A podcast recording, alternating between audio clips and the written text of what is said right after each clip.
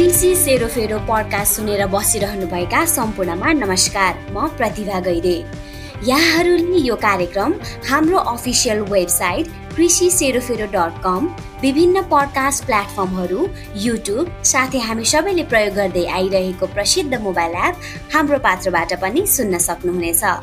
कृषि सेरोफेरो पडकास्टका माध्यमबाट हामीले कृषि क्षेत्रका विभिन्न विषयमा जानकारी दिने कृषि पेसामा आबद्ध युवाहरूको आवाज राख्ने साथै विभिन्न विशेषज्ञहरूसँग रहेर कृषिमा आइपरेका समस्याका समाधानका उपायहरू पनि दिँदै आइरहेका छौँ।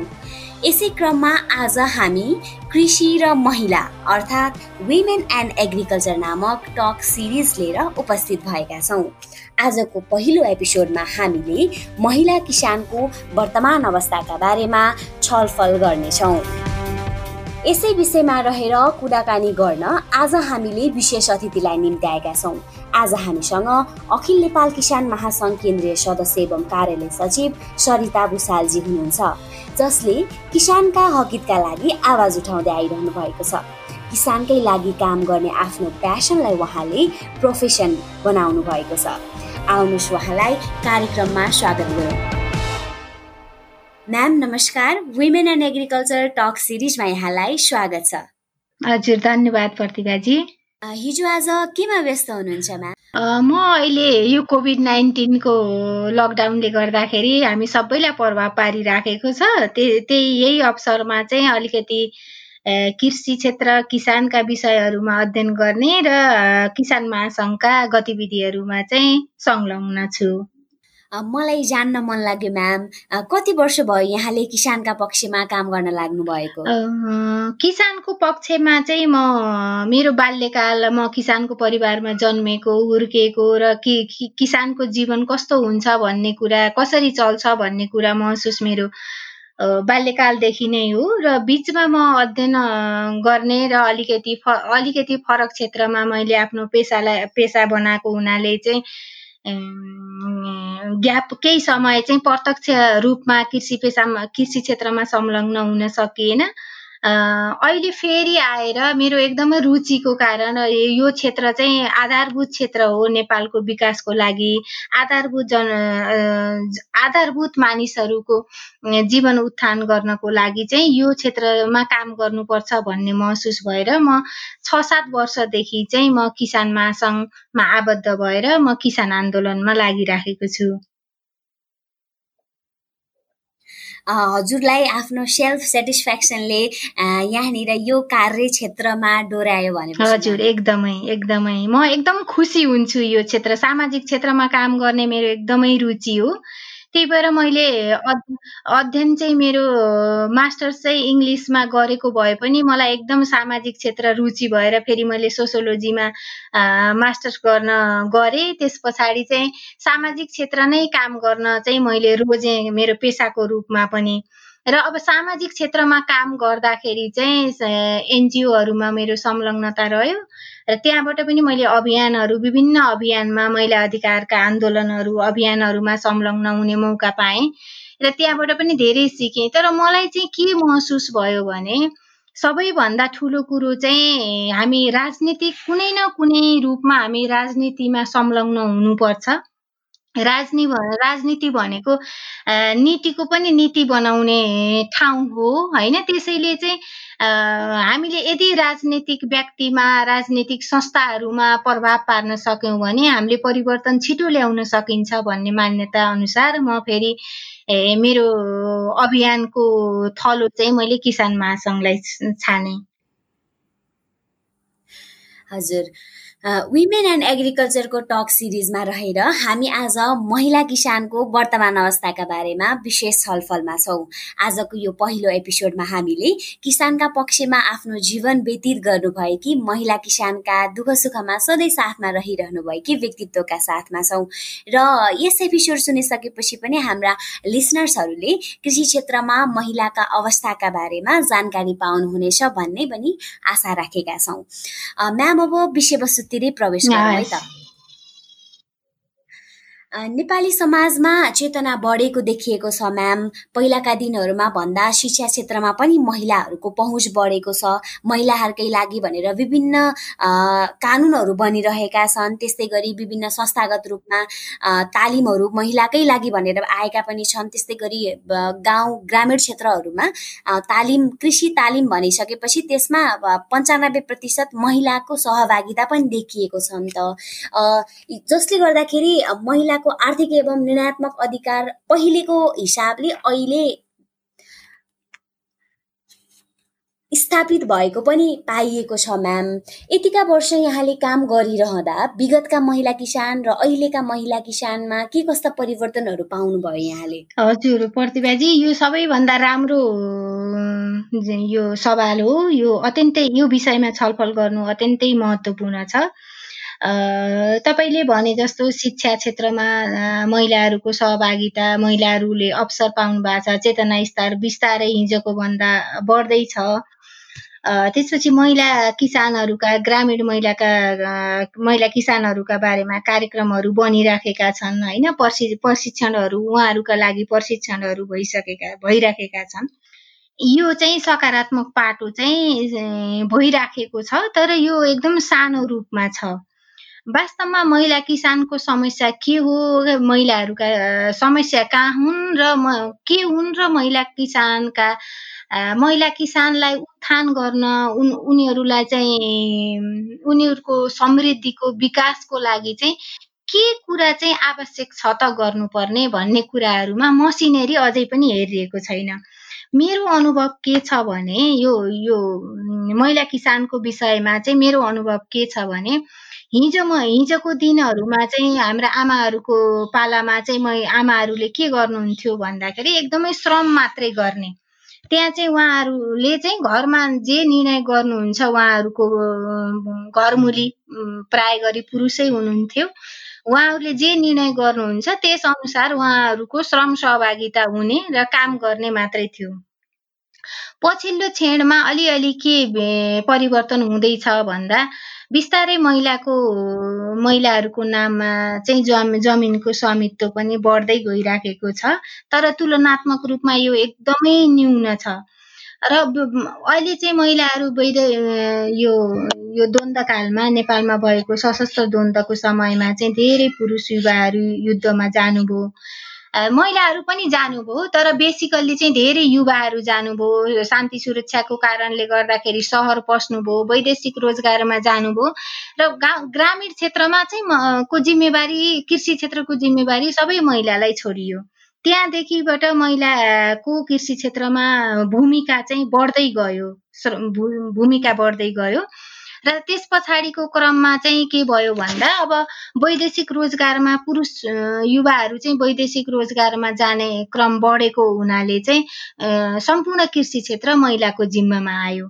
अब महिलाको जिम्मामा त आयो कृषि क्षेत्र तर अब कृषि महिलाको क्षेत्र जिम्मामा आइसक्दाखेरि उनीहरूको अवस्था के छ त? भन्दाखेरि उनीहरूले यस क्षेत्रमा महिलाहरूले चाहिँ एकदमै धेरै श्रम गर्नु परेको छ। श्रमको जिम्मेवारी सम्पूर्ण जिम्मेवारी महिलामा आयो। महिलाहरूले बिहान उठेदेखि चाहिँ पाँच बजे चार बजे उठेदेखि घरभित्रको काम खेतीपातीको काम गाईबस्तुको काम बालबच्चाको स्याहार सुसार वृद्ध वृद्ध सदस्यहरूको स्याहार सुसार सर घरको सरसफाइ त्यसपछि सामुदायिक कामहरूदेखि लिएर सारा कामहरू चाहिँ महिलाहरूको एक्लै जिम्मेवारीमा आयो। यसले चाहिँ के गरेका छ भन्दाखेरि अलिकति महिला किसानको जीवनमा यसले सकारात्मक परिवर्तन ल्याएछ। महिलाहरूले चाहिँ आत्म आफूले निर्णय गरेर चाहिँ खेतीपाती लाउन थाल्नु भएको छ आफूले उत्पादन गरेको कुराहरू बेच्न पाउनु भएको छ। समाजमा चाहिँ महिलाहरूलाई खोजिन थालेको छ। घरमुलीको रूपमा उनी उहाँहरू चाहिँ केही कार्यक्रम सामाजिक काममा राजनीतिक काममा उहाँहरूको उपस्थिति भएको छ। भोट माग भोट माग्न आउँदाखेरि पनि अहिले त महिला धेरै भएको हुनाले महिलाहरूलाई खोज्ने अवस्थाहरू भएको छ। भन्दाखेरि महिलाहरूको अलिकति सकारात्मक अवस्था चाहिँ हुँदै गएको छ। उहाँहरूको निर्णय क्षमतामा विकास भएको छ। निर्णयको अवसर निर्णयमा अवसर निर्णय गर्ने अवसर पाउनु भएको छ। आर्थिक रूपमा पनि अलिकति स्वावलम्बनतिर जाँदै हुनुहुन्छ। अर्को तर्फबाट हेऱ्यो भने उहाँहरूको जीवनमा चाहिँ एकदमै धेरै चुनौती परे आइपरेको छ फेरि। अब कार्यबोध चाहिँ उहाँहरूले सत्र अठार घन्टा काम गर्नुपर्ने छ। यो चाहिँ एकदमै अन्यायपूर्ण छ। यो यु यो आइएलओको विश्व विश्व श्रम सङ्गठनको मान्यता चाहिँ आठ घन्टा श्रम आठ घन्टा मनोरञ्जन र आठ घन्टा आराम भन्ने छ। त्यो महिला किसानको जीवनमा काहीँ पनि काहीँनिर पनि कुनै पनि महिला किसानको जीवनमा लागू हुन सक्ने अवस्था देखिँदैन।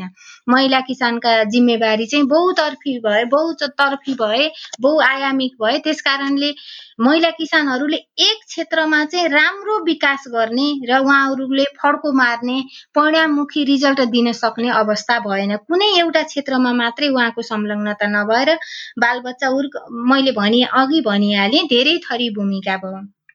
एउटा अवस्था यो भयो। अब उहाँहरूको भूमिका त त्यति धेरै छ तर अब उहाँहरूको जमिन उत्पादनको साधन भनेको त किसानहरूको लागि त जमिन हो। जमिनमा चाहिँ उहाँहरूको स्वामित्व हेर्दाखेरि चाहिँ जम्मा कति छ त भन्दाखेरि जम्मा अहिलेको अवस्थामा चाहिँ दुई हजार अडसट्ठीको जनगणना अनुसार चाहिँ उन्नाइस पोइन्ट सात प्रतिशत छ। यो अन्ठाउन्न सालको जनगणना भन्दा दस प्रतिशतले करिब दस प्रतिशतले बढेको छ।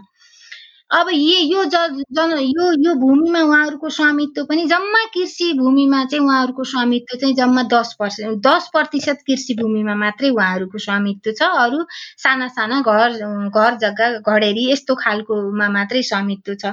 त्यस कारणले चाहिँ जे मैले जे मुख्य काम गर्छु त्यो कुरामा मेरो कुनै अधिकार छैन।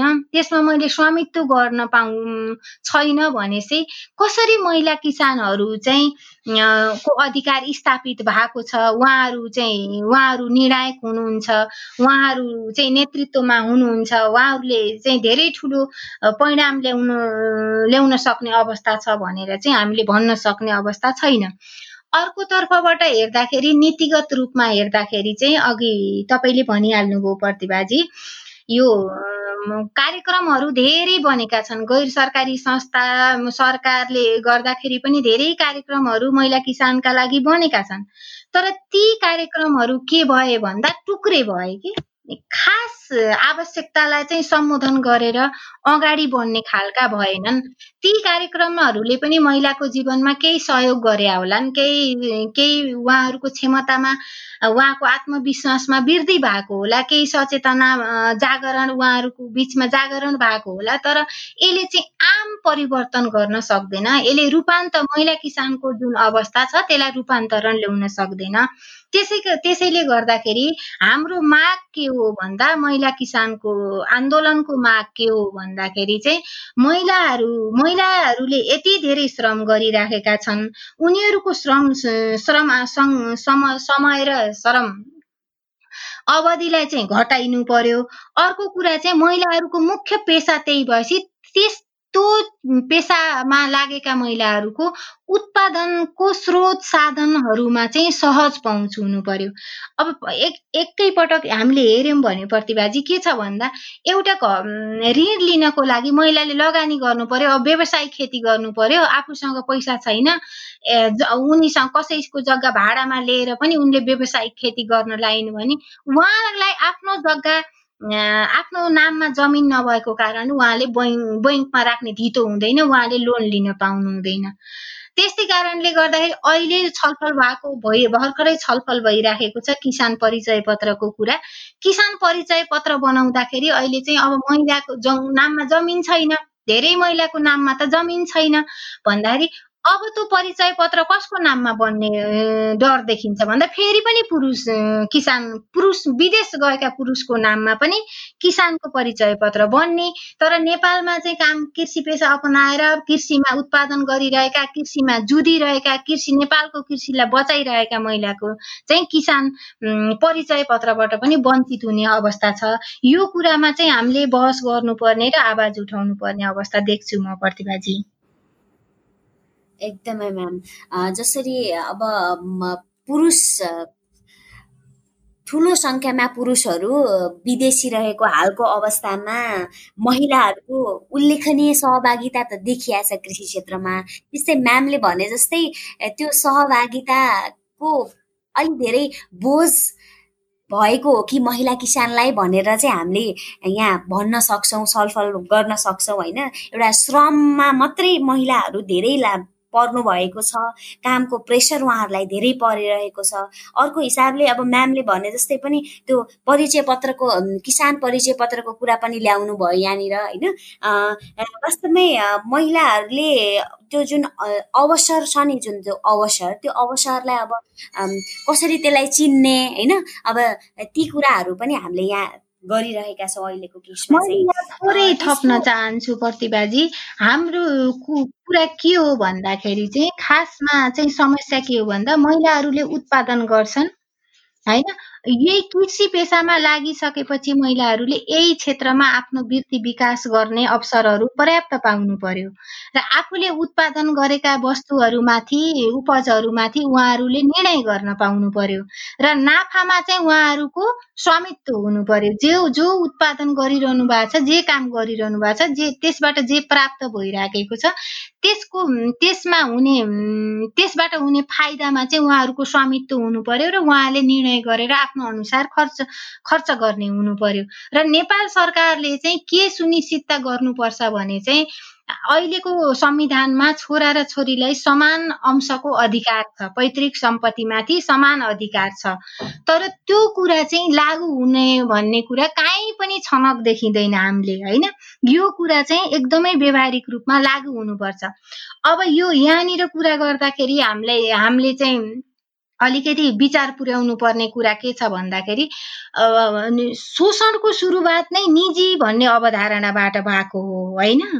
त्यही निजी भन्ने अवधारणा भएको हुनाले चाहिँ निजी गर्दा गर्दै उत्पादनका स्रोत साधनमाथि र का हरेक क्षेत्रहरूमा चाहिँ छोराहरूको एकल स्वामित्व हुँदै गयो होइन? चाहे त्यो अंशमा होस् वंशमा होस् सम्पत्तिमा होस् अरू उत्पादनका क्षेत्रहरूमा होस् सबैतिर चाहिँ एक उहाँहरूको एकल स्वामित्व हुँदै गयो।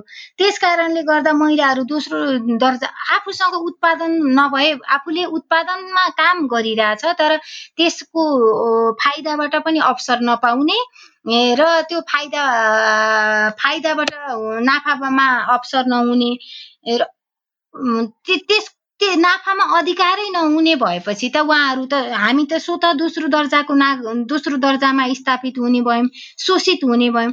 त्यही कारणले हामीले चाहिँ के कृषि हामीले चाहिँ के आवाज उठाउनु पर्छ जस्तो मलाई लाग्छ भने कृषि भूमि उत्पादनको स्रोत साधनमाथि सामूहिक स्वामित्व हुनुपर्छ। तर सामूहिक स्वामित्वमा समुदायमा सहकारी मार्फत हो अथवा कसरी हुन्छ त्यो जमिन जमिन भनेको चाहिँ उत्पादन गर्ने चिज हो।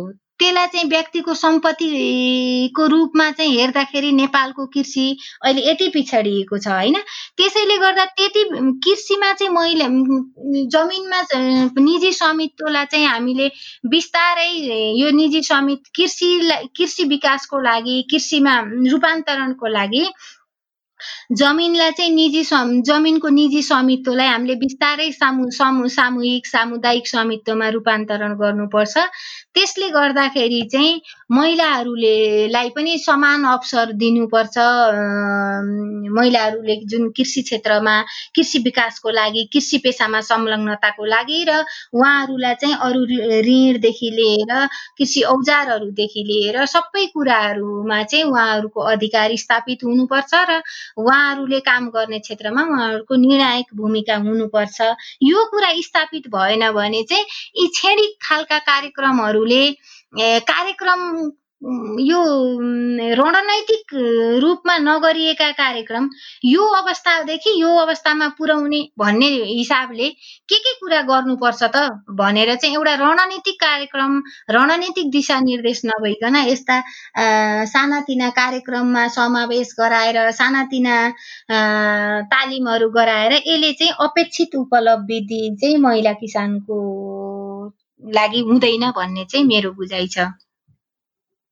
एकदमै म्याम म्यामले भने जस्तै अब यहाँनिर हरेक कुराका सकारात्मक र नकारात्मक पक्षहरू हुन्छन् भने जस्तै होइन अनरसिपको मात्रै महसुस भयो भने पनि स्वामित्वता महिलाहरूले महिला किसानहरूले पाउनुभयो भने पनि धेरै हदसम्म उहाँले अब अहिलेको वर्तमान परिस्थितिमा कस्तो छ भन्दाखेरि म्याम हामीले अब देख्न सक्छौँ महिला किसान दिदीबहिनीहरूले उदाहरणका रूपमा लियौँ भने पनि बाख्रा पालन गरिरहनु भएको छ।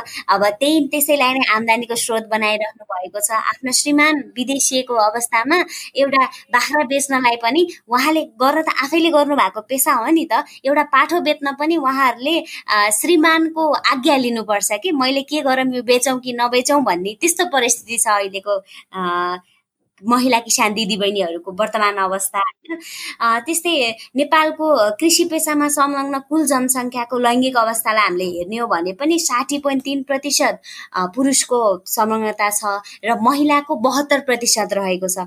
ग्रामीण क्षेत्रमा ग्रामीण अर्थतन्त्रमा महिला किसानहरूले त पहिलेदेखि नै योगदान त पुरै आइरहनु भएको छ नि त। तर देशको अर्थतन्त्रमा महिलाको योगदानको गणना किन गरिँदैन म्याम? के किन होला जस्तो लाग्छ हजुरलाई? अब कस्तो छ भने अहिले तपाईँले एकदम राम्रो कुरा उठाउनु भयो एउटा बाख्रा पाल्या छ महिलाले होइन? आफ्नो मेहनतले पाल्या छ। अब श्रीमान विदेश हुनुहुन्छ। तर सामूहिक निर्णय हुनु हुँदैन भन्ने होइन हाम्रो जे कुरा पनि पारिवारिक सल्लाह अनुसार महिलाको पनि निर्णयमा सहभागिता हुनु पर्यो भन्ने मात्रै हो कुरा। अब त्यो बाख्रो पालेर बेचे बेच्दाखेरि त सोध्नु नै भयो। अब बेचेपछि त्यो पैसा कहाँ खर्च गर्ने कहाँ गर्ने के गर्ने भन्ने कुरा सारा कुरा हिसाब किताब बुझाउनु पर्छ। उहाँले आफ्नो इच्छा आफ्नो आफूले उपयुक्त देखेको ठाउँमा लगाउन पाउने अवसर छैन। त्यो उत्पादन गरेको उपजमा स्वामित्व नहुने अवस्था हो त्यो।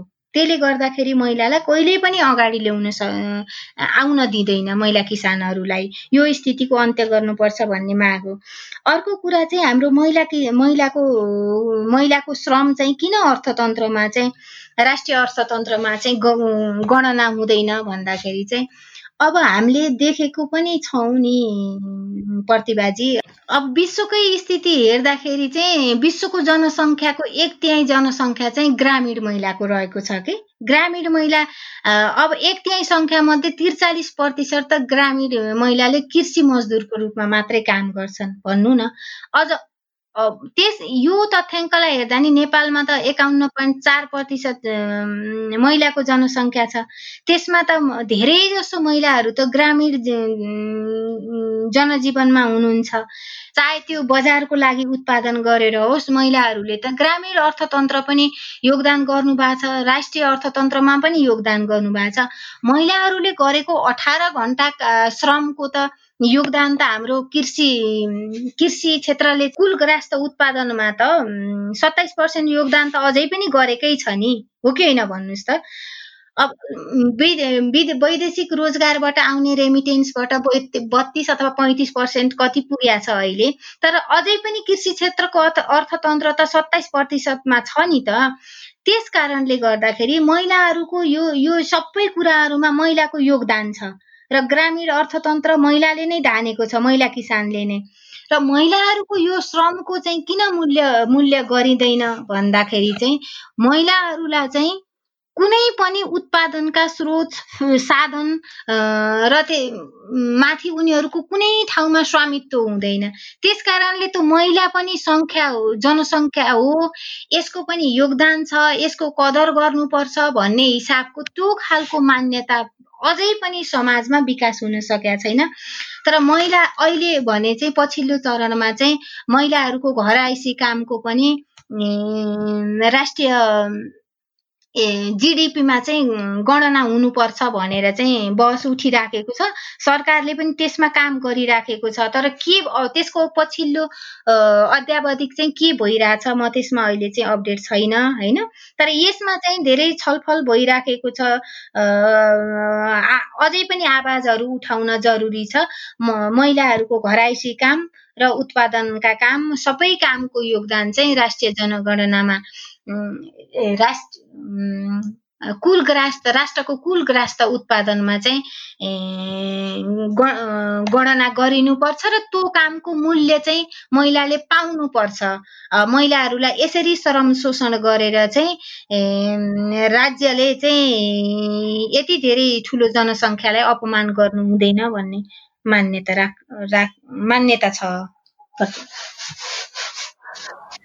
बहसको विषय बन्न नसकेका महिला किसान नामक लेखमा म्यामले स्पष्ट रूपमा लेख्नु भएको थियो ग्रामीण महिला किसानको परिप्रेक्ष्यको बारेमा विस्तृत रूपमा लेख्नु भएको छ। त्यो मैले त्यो लेख पढेकी थिएँ र हाम्रो कार्यक्रम सुन्दै गर्नुभएका लिसनर्सहरूलाई पनि म एकचोटि त्यो लेख पढेर त्यस त्यो लेखबाट जानकारी लिनु हुनको लागि पनि म यही कार्यक्रम मार्फत अनुरोध गर्न चाहन्छु।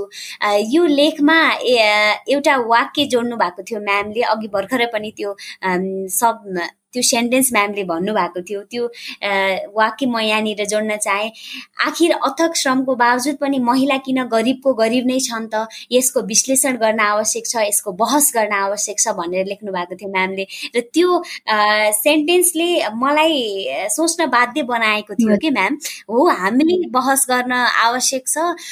अलिकति किसानका लागि केही गर्नुपर्छ भनेर आएका व्यक्तिहरू मात्र नभएर हामी कृषि विषय अध्ययन गरि गरिरहेका विद्यार्थीहरूले पनि यो बहस गर्न आवश्यक छ यो छलफल गर्न आवश्यक छ जस्तो मलाई पनि महसुस भएको थियो कि म्याम चाहिँ।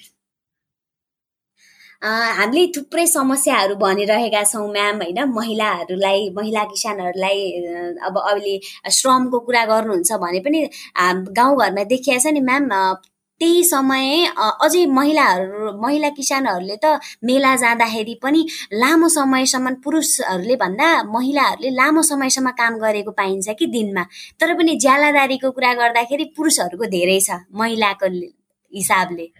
यसलाई कसरी नुकसान गर्न सकिन्छ? अब कस्तो छ भने प्रतिभाजी अब एउटा एफएको सायद अध्ययन रिपोर्टमा होला।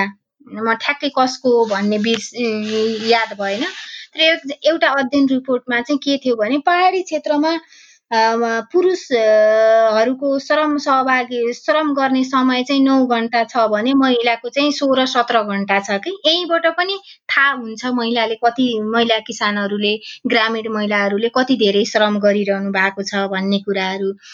अब श्रम यति धेरै गर्ने हुन्छ तर त्यसको मूल्य नै केही पनि हातमा आउँदैन होइन? उहाँहरूको चाहिँ केही पनि आउँदैन। उहाँका न्यूनतम आवश्यकताहरू पुरा गर्नु पर्यो भने दुई चार पैसा माग्नु पर्यो भने चाहिँ आफ्नो श्रीमान छोरो छोरा ससुरा अथवा को हो घरमुली उहाँहरूसँग माग्नुपर्ने बाध्यता छ। यस्तो यस्तो गरिबीको अवस्था किन होला भन्ने कुरा चाहिँ प्रतिभाजीले एउटा जिज्ञासा उठाउनु भएको छ। यसका विभिन्न सैद्धान्तिक दृष्टिकोणहरू छन्।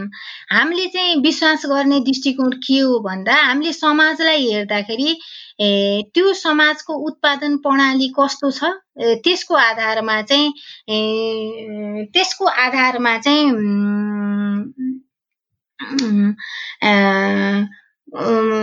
समाजमा समाजको त्यो समाजको उत्पादन प्रणाली कस्तो छ त्यस आधारको सामाजिक संरचनाहरू बन्छन् है। त्यही त्यही किसिमको धार्मिक संरचनाहरू सामाजिक संरचनाहरू सांस्कृतिक संरचनाहरू हाम्रा आर्थिक संरचनाहरू सबै कुरा त्यो अनुसारले बन्छन्। अहिले हाम्रो समाजलाई हेर्ने हो भने के छ भन्दाखेरि चाहिँ अहिले पहिला हाम्रो अब विभिन्न चरणमा समाज विकास हुँदै आउँदाखेरि चाहिँ अहिले चाहिँ हाम्रो पुँजीवादी समाजमा प्रवेश गरेका छ होइन? हाम्रो समाज चाहिँ। यो समाजको के हो भन्दाखेरि चाहिँ अधिक श्रम शोषण गरेर मान्छेको अधिक श्रम शोषण गरेर पुँजीपतिहरूले चाहिँ नाफा कमाउने मान्छेको समयको काम गर्ने घन्टा चाहिँ उसले चाहिँ आठ घन्टा काम गर्छ तर उसले चार घन्टाको बराबर चाहिँ पारिश्रमिक पाउँछ। आठ घन्टा चाहिँ यो पुँजी पुँजीवादले शोषण गरेर चाहिँ पुँजीपतिहरूले शोषण गरेर चाहिँ उनीहरूबाट नाफा कमाइरहेका हुन्छन् होइन? त्यसले गर्दाखेरि के हुन्छ भन्दा पुँजीपतिहरू जोसँग धन छ उत्पादनका स्रोत साधन छ सबैतिर उहाँहरूको अधिकार छ ऊ धनी हुँदै जाने हो होइन? जोसँग श्रम गर्ने छ उसले श्रम शरीर र श्रम श्रम बेचेर चाहिँ उसले जीविको निर्वाह गर्ने हो होइन? नाफामा त नाफामा त पाउन त उसले गरेको श्रमबाट भएको नाफामा त उसको पनि स्वामित्व हुनुपर्ने हो नि त। त्यही कारण त्यो स्वामित्व चाहिँ छैन। त्यसैका लागि चाहिँ हामीले आवाज उठाउनुपर्छ। किन भन्दा सबैले श्रम गरेर भएको नाफा भएपछि त्यसमा सबैको स्वामित्व चाहिँ हुनुपर्छ। भन्ने कुरा हो। अब यसलाई हेर्दाखेरि हाम्रो समाजलाई हेर्दाखेरि के छ त भन्दा उत्पादनका स्रोत साधन उत्पादित वस्तु र नाफामा त पुरुषहरूको एकल स्वामित्व छ नि त हाम्रो समाजमा त। पुरुषहरूको त छ नि हजुरको अब हाम्रै घरमा हेरौँ भने हाम्रो जम जग्गा जमिन कसको नाममा छ ब्याङ्कको खातामा कसको धेरै पैसा छ होइन? त्यस पछाडि निर्णय परिवारमा चाहिँ कुनै पनि काम गर्ने कुराको निर्णय चाहिँ कसले बढी गर्छ होइन? यी विभिन्न कुराहरूले चाहिँ फरक पार्दछ। त्यो त सबै हेर्दाखेरि त पुरुष पुरुषहरूले नै गर्नुहुन्छ।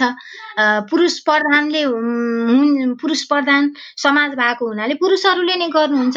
त्यसै महिलाहरूको के छ भन्दाखेरि चाहिँ महिलाहरू चाहिँ पुँजीवादले अधिक श्रम शोषण गरेको छ। महिलाहरूको कुनै मूल्य पनि दिएको छैन। उसले जन्माउने बच्चा महिलाहरूले जन्माउने बच्चाको सम्म महिलाले नाम राख्न पाउँदैन नागरिकताबाट नागरिकता दिन पाउँदैन नपाउने अवस्था छ।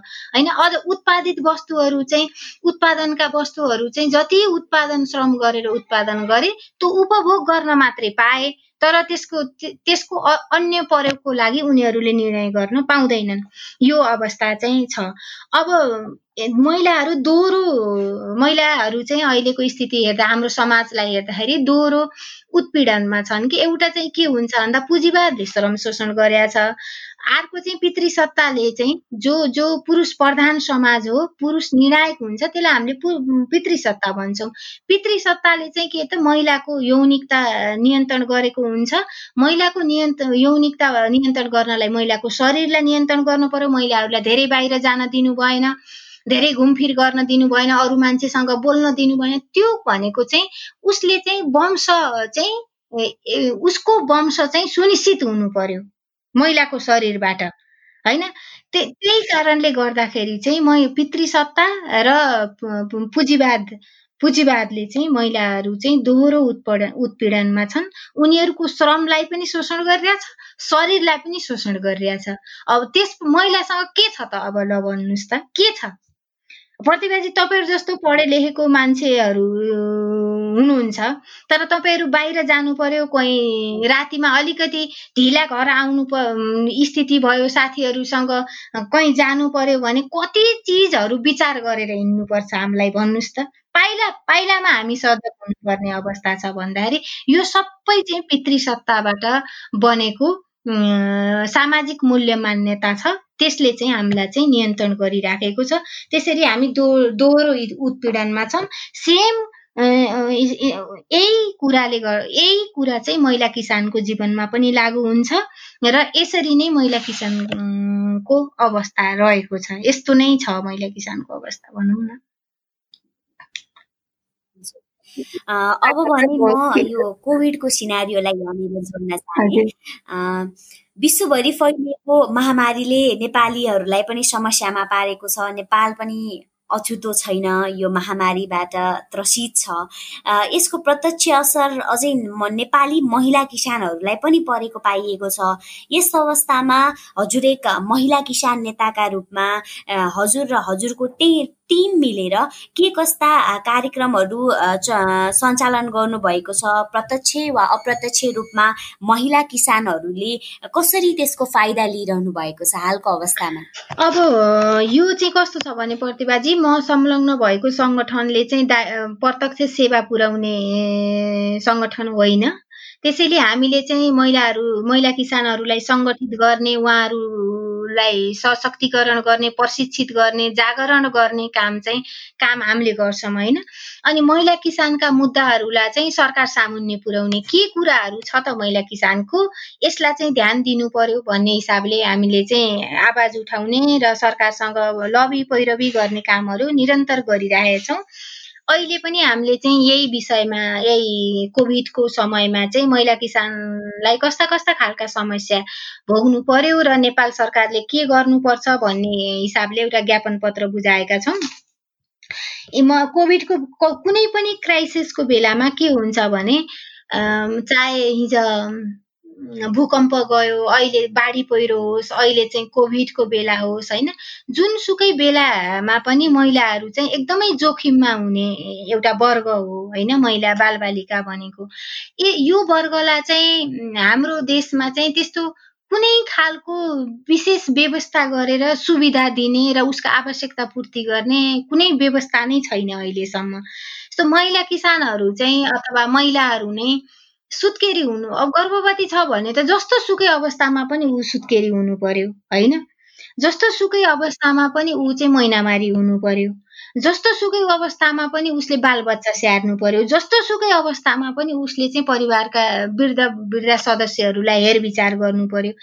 यी कुराहरूले गर्दा महिलाहरूका धेरै धेरै धेरै जोखिमहरू हुन्छन्। यी कुराहरूलाई एकदमै नजरअन्दाज गरिएको छ। त्यसैले हामीले सरकारसँग के माग गरेका छौँ भन्दा महिला किसानहरूका विशेष आवश्यकताहरूलाई चाहिँ विशेष प्राथमिकता दिइकन चाहिँ संरचना बनाएर दीर्घकालीन फाइदा हुने गरी संरचना बनाएर कार्यान्वयनमा ल्याइयोस् भनेर हामीले चाहिँ आवाज उठाएका छौँ। अर्को कुरा के पनि छ भने प्रतिभाजी अब महिला किसानहरू चाहिँ यतिखेर चाहिँ एकदमै जोखिममा हुनुपर्ने कोभिडको बेला चाहिँ भन्दा कस्तो धेरै एङ्गलबाट छ कि? अब एक त चाहिँ महिला किसानहरू घरमा आफ्नो परिवारको सम्पूर्ण जिम्मेवारी आफ्नो हातमा छ। अब वैदेशिक रोजगारमा गएका कुनै न कुनै सदस्य फर्केर आउलान् कि नआउलान् भन्ने एकदमै उनीहरूलाई त्रा त्रासदीपूर्ण वातावरण बन्यो। अर्को कुरा कृषि उत्पादनमा चाहिने कुराहरू मल बिउ र को र औजारहरूको पहुँच बजारसम्म जान नसक्ने बजार धेरै टाढा हुने हुनाले त्यो स्थानीय तहमा उपलब्ध नहुनाले अहिले कृषि बाली लगाउने बेलामा पनि त्यो अब अप्ठ्यारो भयो। अर्को श्रम शक्तिको अभावले गर्दाखेरि उनीहरूले अझ बढी काम गर्नु पर्यो। भन्दाखेरि यस्ता विभिन्न अर्को कुरा उत्पादित वस्तुहरू बजारमा लान पाउनु भएन। अब दुईवटा कुखुरा बेचेर दुईवटा बाख्रा बेचेर उहाँहरूको छ महिनाको खर्च चल्थ्यो अथवा दुई महिनाको तिन महिनाको खर्च चल्थ्यो भने त्यो बजारमा लान नपाउँदाखेरि त के भयो भन्दा त उहाँहरूको त आर्थिक सङ्कट हुने खाद्य सङ्कट हुने स्थिति हुने भयो। यो कुराहरूलाई चाहिँ एकदमै धेरै नजरअन्दाज गरिन्छ। महिलाको विषय भनेपछि चाहिँ यो अलिकति छोडिएको अथवा अलिकति पछाडि पारिएको अलिकति नजरअन्दाज गरिएको जस्तो देखेर चाहिँ असाध्यै दुःख लाग्छ। प्रतिभाजी यसको विरुद्धमा र यो कुराहरू सरकार सामुन्य पुर्याउनलाई हामीले निरन्तर सरकारसँग कृषि तथा पशुपन्छी विकास मन्त्रीसँग चाहिँ बसेर हामी छलफल गरिराखेका छौँ। उहाँ पनि सकारात्मक हुनुहुन्छ। भर्खरै अब परिचय पत्रको किसान परिचय पत्रको कुराहरूमा पनि अब एउटा ड्राफ्ट ऊ आइराखेको छ निर्देशिका। त्यसमा चाहिँ हामी छलफल गर्दैछौँ। के के प्रावधान भयो भने चाहिँ महिला किसानको अधिकार सुनिश्चित हुन सक्छ र महिला किसानहरूलाई किसानको रूपमा स्थापित गर्न सकिन्छ भनेर यसमा पनि हामी छलफल गरिरहेका छौँ। एकदमै हजुरहरू जस्ता किसानका लागि उभिएर किसानका पक्षमा बोलिरहने व्यक्तित्वहरू नेताहरू हुनुहुन्छ होइन? हजुरहरू ले गर्दाखेरि पनि महिला किसानहरूमा अझै थप ऊर्जाहरू थपिरहेको छ। हाम्रो लागि बोल्ने हुनुहुन्छ कोही भन्ने विश्वास तपाईँहरूले दिलाउनु भएको छ त्यसका लागि हामी सबै निकै खुसी पनि छौँ। र अब कृषि र महिलाका विषयमा कुराकानी गर्दै गर्दाखेरि हामीले छुटाउनै नहुने पात्रहरू भनेका वुमेन एग्रिकल्चरिस्ट महिला कृषि विषय अध्ययन गरिरहनु भएका महिलाहरू जसमा म पनि एक पढ्छु अहिले कृषि विषय अध्ययन गर्ने महिलाको जमात पनि वात्तै बढेको छ म्याम। र अब यो कृषि क्षेत्रमा महिला विज्ञहरू आएपछि जुन हामीले राष्ट्रिय कुल ग्रास्त उत्पादनमा कृषि क्षेत्रमा महिलाले पुर्याउने योगदानमा परिवर्तन देखिनु पर्ने हो होइन? हुन त म यो प्रश्न गर्न अलि हतारिएको पनि हुन सक्छु किनभने भर्खरै मात्रै कृषि विषय अध्ययन गरेका महिलाहरू कार्यक्षेत्रमा लाग्नु भएको छ। उहाँहरूको कार्यनतिजा आउन अझै बाँकी छ छन त। तर मैले यो प्रसङ्ग यहाँनिर किन जोड्न चाहेँ भने म्याम यो जुन ग्याप देखिएको छ नि महिला किसान दिदीबहिनीहरूले विगतका दिनबाट लामो समयसम्म उहाँहरूले कृषि क्षेत्रमा योगदान पुर्याउँदै आइरहनु भएको छ। तर पनि उहाँहरूलाई उहाँहरूको योगदान अनुसार सम्मान छैन। र यो ग्याप जुन फुलफिल गर्ने जिम्मेवारी त अब हामी कृषि विषय अध्ययन गर्ने महिलाहरूमा आएको छ नि त जस्तो लाग्यो क्या मलाई। यो विषयमा के भन्न चाहनुहुन्छ म्याम? एकदमै महत्त्वपूर्ण कुरा उठाउनु भएको छ प्रतिभाजी यो। एकदमै महत्त्वपूर्ण गर्नु विषय र छलफल गर्नुपर्ने विषय हो यो। अब महिला किसानको कुरा गर्दाखेरि त महिला किसान चाहिँ किसानको रूपमा चाहिँ पहिचान भएकै छैन अझैसम्म। उहाँहरूलाई चाहिँ राज्यले किसानको रूपमा चाहिँ स्थापित गर्नलाई त्यस्तो ठुलो वृहत योजनागत कार्यक्रम ल्याएको छ जस्तो चाहिँ मलाई लाग्दैन। ल्याएको भए पक्कै पनि फाइदा हुन्थ्यो त्यो किसिमको स्थिति अझै पनि रहेको छैन होइन? अलिकति चाहिँ अब महिला कृषि वैज्ञानिकहरू चाहिँ यसरी तपाईँहरू जस्ता युवा महिला कृषि वैज्ञानिकहरू चाहिँ उत्पादन हुँदै हुनुहुन्छ। यो एकदमै सराहनीय कुरा हो यो एकदमै महत्त्वपूर्ण कुरा हो। यसले पक्कै पनि कृषि क्षेत्रमा ठुलो प्रभाव पार्छ भन्ने मलाई लागेको छ।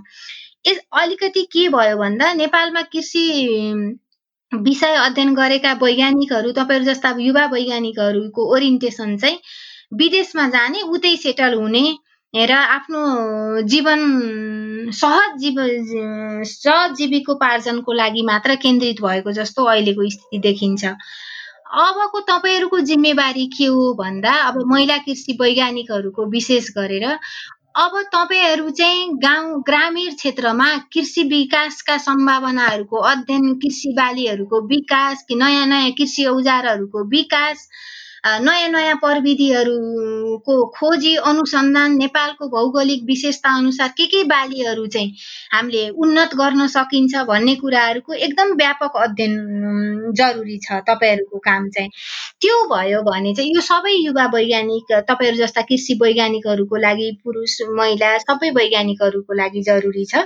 तर विशेष गरेर महिलाहरूको लागि चाहिँ म किन यो भन्दैछु भन्दाखेरि महिला क्षेत्र चाहिँ कृषि कृषि क्षेत्र सबै महिलाहरूको जिम्मेवारीमा छ महिलाकरण भएको छ भनिएको छ। यो विषयमा तपाईँहरू जस्ता प्राविधिक तपाईँहरू जस्ता वैज्ञानिकहरू चाहिँ को को सामिप्यता पाउँदाखेरि चाहिँ महिला किसानमा धेरै ऊर्जा विकास हुन्छ। उहाँहरूले धेरै गर्न सक्नुहुन्छ। र प्राकृतिक रूपमा कृषिलाई महसुस गर्ने कुरा चाहिँ महिलाले जति चाहिँ अरूले सक्दैन। वास्तवमै म्यामले भन्नुभयो जस्तै किसान अनि अभियन्ता र कृषि विज्ञहरू सँगसँगै हामी अघि बढ्न सकियो भने हामीले परिकल्पना गरेको कृषि हामीले परिकल्पना गरेका महिला किसान दिदीबहिनीहरूको जुन महिला किसान दिदीबहिनीहरूको स्थान हामीले उहाँहरूको पेसागत पहिचान हामीले अवश्य पनि दिन सक्छौँ। र अब हामी कार्यक्रमको अन्तिम अन्तिमतिर आइसकेका छौँ। अन्त्यमा म्याम यो कार्यक्रमकामा सुनेर बसिरहनुभएका लिसनर्सहरू विशेष गरी कृषि विषय अध्ययन गरिरहनुभएका व्यक्तित्वहरूले यो कार्यक्रम सुनिरहनु भएको छ र अन्य किसान दिदीबहिनीहरूले पनि सुनिरहनु भएको छ। उहाँहरूलाई के भन्न चाहनुहुन्छ? अब यो विशेष गरेर किसान महिलासँग सम्बन्धित कार्यक्रम भएको हुनाले विशेष गरी हामी आजको छलफल यसैमा नै जोड दियौँ र अझ पनि म जोड दिन चाहन्छु।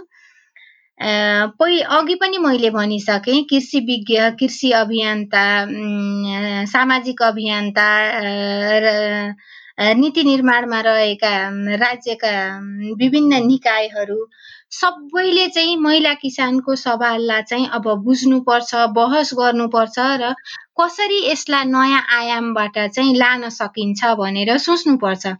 यसका लागि चाहिँ राज्यका हरेक नीति निर्माण तहमा रहेका हाम्रा सांसदहरू मन्त्रीहरू राज्यको नीति निर्माणको उच्च तहमा रहेका कर्मचारी वर्गहरू सबैले यो कुराहरू सोच्नुपर्छ। अहिले के देखिन्छ भने प्रतिभाजी अहिले भर्खरै दुई हजार पचहत्तरमा आएको मातृत्व तथा सुरक्षित सुरक्षित पर्जन ए मातृत्व तथा प्रजनन अधिकार ऐन दुई हजार पचहत्तर आएको छ।